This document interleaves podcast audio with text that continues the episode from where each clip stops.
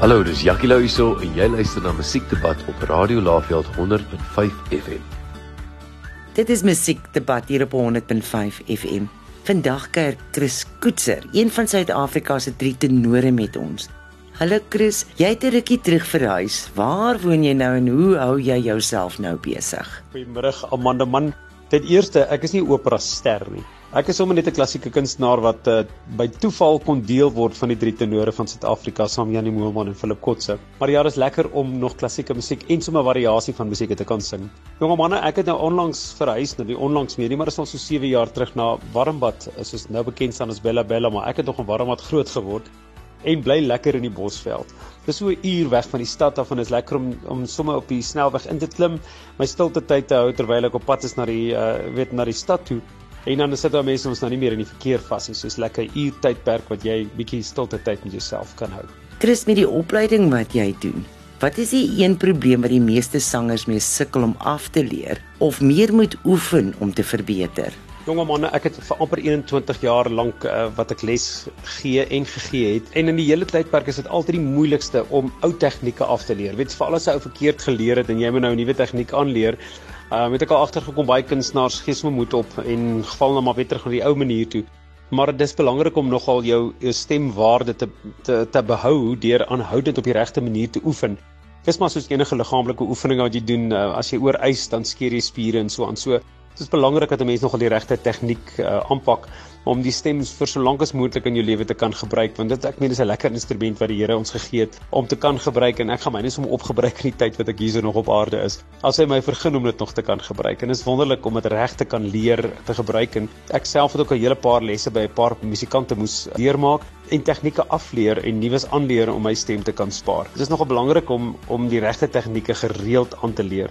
Jong en dan die ander ding is om uh, om jouself te verbeter gereeld is om jou ore te werk ek het al baie keer agtergekom dat kunstenaars het uh tegnieke wat hulle aanleer en dan sing hulle nog steeds vals.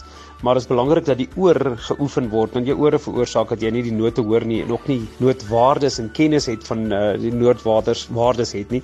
En dan verloor ou nogal jou tegniek ook en jou oor want jy's nie op die noot nie en mense noem dit intonasiefoute belangrik om die oor gereeld gereeld te oefen en dit reg te kry sodat jy op die noot kan bly. Ek dink die meeste sangers droom van daardie een perfekte optrede met hulle ikoon.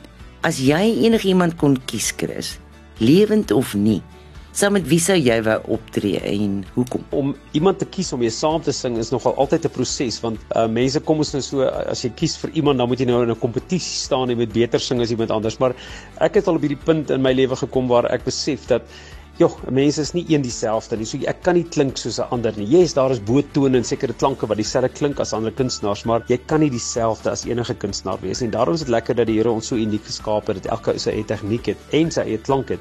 As ek nou kon kies om saam met iemand te kon optree, was my grootste begeerte altyd Gey Korsten. Kyk, my pa het altyd gesê sy naam is Grys Kostuum en dat ek so kwaad geword. Maar Gey Korsten was nou vir my 'n idol toe ek klein was en natuurlik Heintjie vanuit uh, Nederland. Ek sou graag saam met hom wou sing. En dan natuurlik sal ek sou ag, kyk, dit is 'n groot eer gewees om net saam met Pavarotti sy ek sou sy mic vir hom vasgehou het op sy boek vir hom geblaai het. Nie saam met hom hoef te gesing het nie, maar Pavarotti was my so 'n groot pa in die musiekwêreld. En natuurlik dan Gey Korsten ook 'n groot naam en dan Manny Lescorsie was my groot groot idol in 'n tydperk en daarom dink ek ek het baie van sy sy tone wat dieselfde klink in my my stem 'n wonderlike man en ek ek hoor hy's baie siek op die stadium en ons almal bid so hard vir hom kyk as jy nou 'n gebed wil opstuur Manny Lescorsie het dit nodig bid vir daai man dat hy deur al hierdie dinge staan en dat die Here se wil geskied in elkeen van ons se lewens veral in syne ook. En ja, natuurlik dit is die dis die name wat ek nou sou gekies het om mee saam op te tree. Vroue gewys sou ek nog graag saam met uh, Karika ding wou doen. Ek het destyds Kraaies uh, gewen, maar ek sou graag saam met haar eendag net wou sing.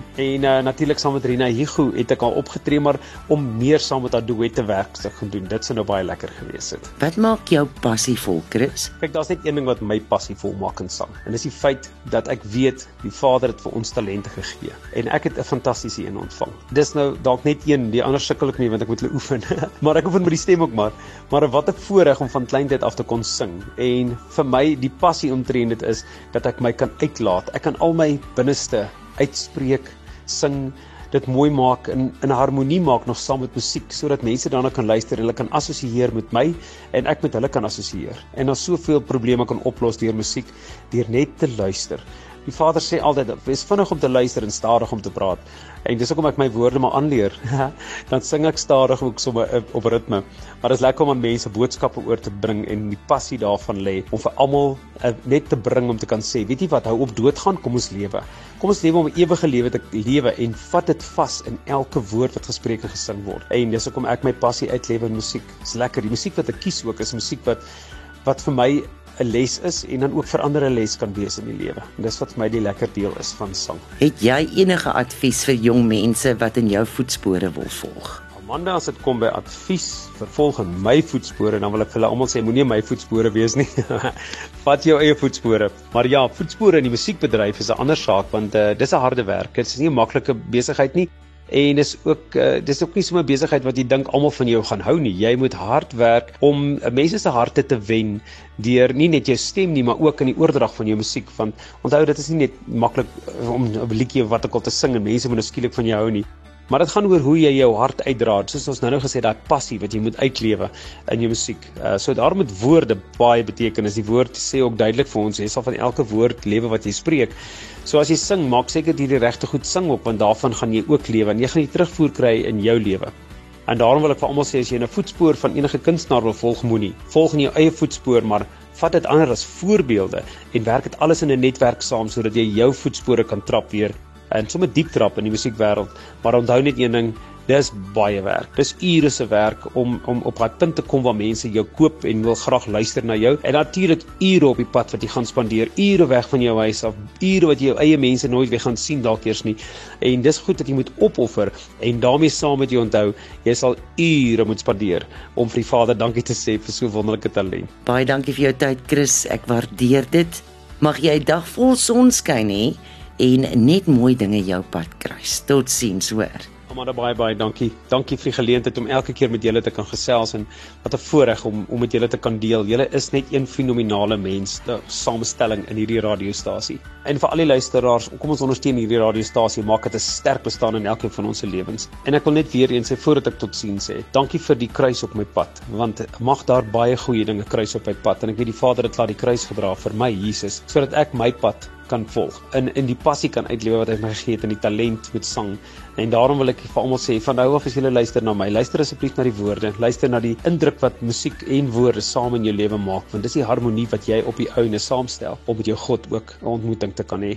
Al is dit nie geestelik nie my oupa het al gesê beestelik maar as jy beestelike musiek kies met ander woorde wêreldse musiek dan moet dit op van so 'n aard wees dat dit 'n boodskap kan oordra vir ander mense. Of soos die Bybel sê swyg maar ek sal aanhou sing tot die Vader my talent vir my stil maak en hy my kom haal as 'n bruid en dan kan ek nie op in hy hemel. Julle verstaan nie ek gaan sing dat dit klink soos kore. Baie dankie vir die geleentheid. Geseënd is julle en dankie nogmaals dat julle na my luister en my musiek waardeer. Mooi dag daar. Dit was Chris Koetser, een van Suid-Afrika se drie tenore. Ek is Amanda vir Musiekdebat op 105 FM. Hallo, dis Jackie Lou hierso en jy luister na Musiekdebat op Radio Laveld 105 FM.